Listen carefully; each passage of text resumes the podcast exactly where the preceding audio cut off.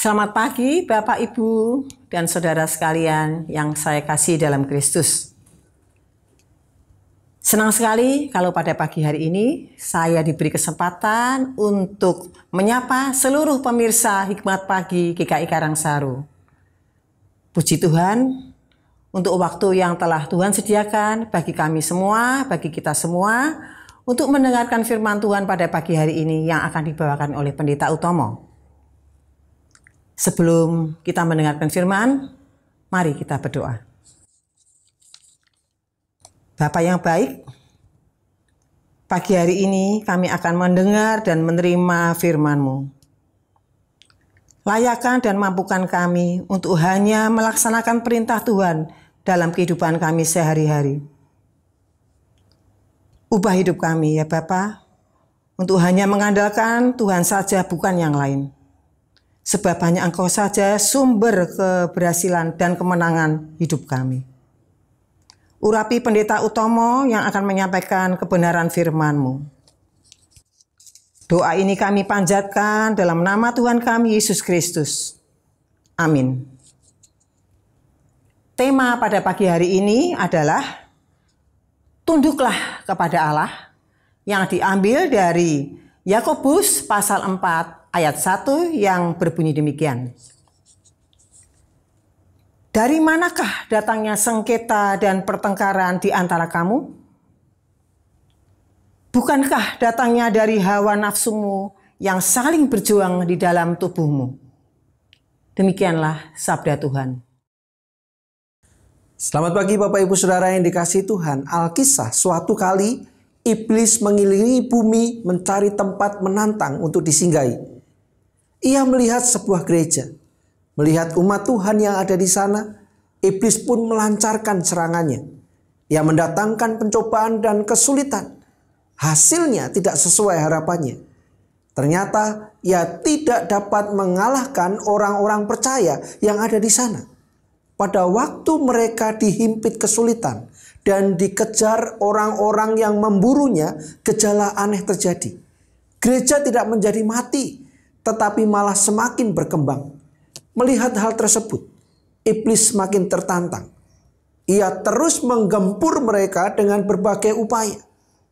Hidup mereka dibuat susah, tetapi orang-orang percaya justru semakin rajin berdoa. Semakin dihimpit, mereka semakin kuat. Makin dihambat, mereka semakin merambat. Iblis pun terus memeras otak, memikirkan cara mengalahkan mereka. Akhirnya Bapak Ibu Saudara, ia mendapat ide yang berlawanan dari upaya sebelumnya. Kalau dengan kesulitan hidup orang percaya tidak dapat ditaklukkan, maka iblis mulai memakai cara lain, yaitu menebar benih-benih pertikaian yang menimbulkan konflik di antara mereka. Hasilnya sungguh mengejutkan. Gereja mulai tercerai-berai dan porak-poranda Iblis pun menjadi sangat senang. Kisah di atas hanyalah sebuah cerita, namun nyata terjadi dalam kehidupan bergereja. Kenyataannya, gereja memang mudah hancur saat benih-benih pertikaian ditaburkan dan berkembang sehingga konflik demi konflik pun terjadi dan berakibat fatal. Gereja Tuhan meski terdiri dari orang-orang yang telah dikuduskan Tuhan, tetap rentan terhadap konflik. Menurut Yakobus di pasal 4, sumber utama sengketa dan pertengkaran itu datangnya dari hawa nafsu, hedonon, yang sesungguhnya berarti kenikmatan, yang saling berjuang di dalam tubuh mereka. Ayat 1. Dengan kata lain, pemuasan keinginan yang mementingkan diri menjadi lebih penting daripada kebenaran dan kehendak Allah.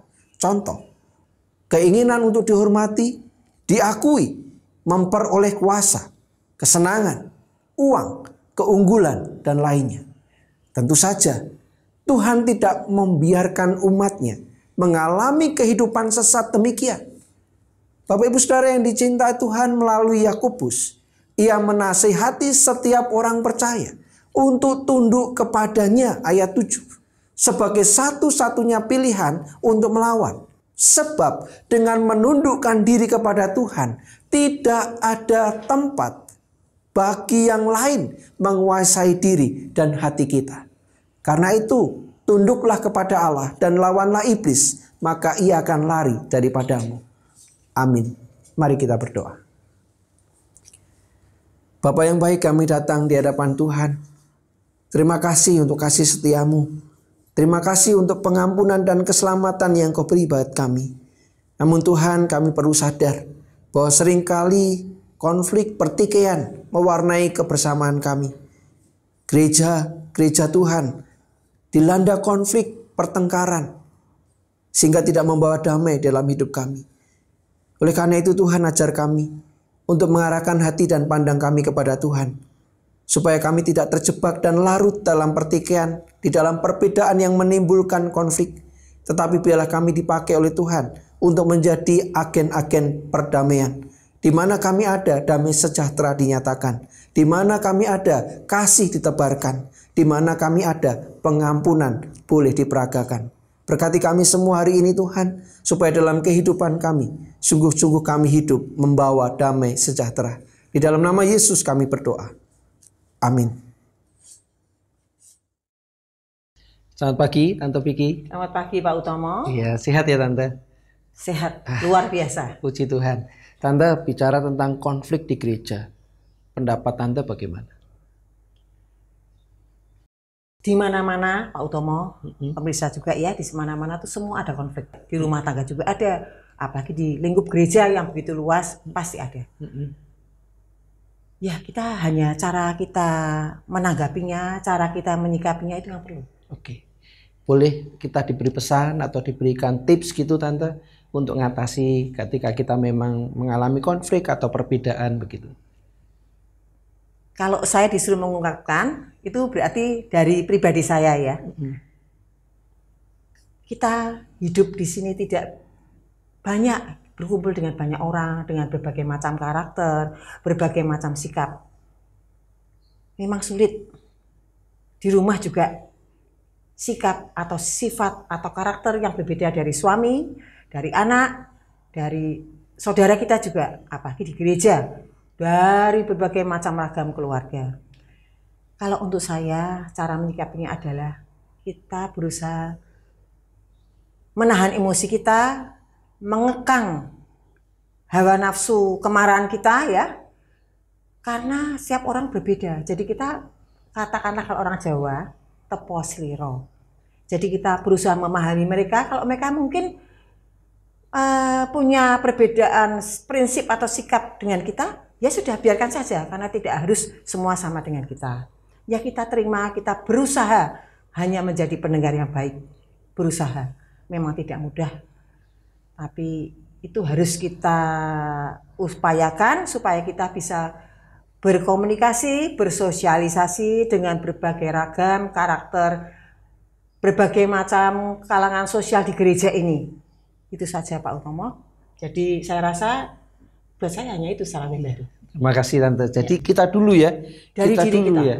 Kita dulu Dari kita. bisa menahan kemarahan kita dan kita tadi ada satu kata kunci tepos liro. Ya. Bapak Ibu Saudara yang dikasih Tuhan, selamat berkarya, selamat menikmati kasih setia Tuhan. Biarlah kita menjadi pribadi-pribadi yang tepos liro di mana pun Tuhan tempatkan kita. Tuhan memberkati.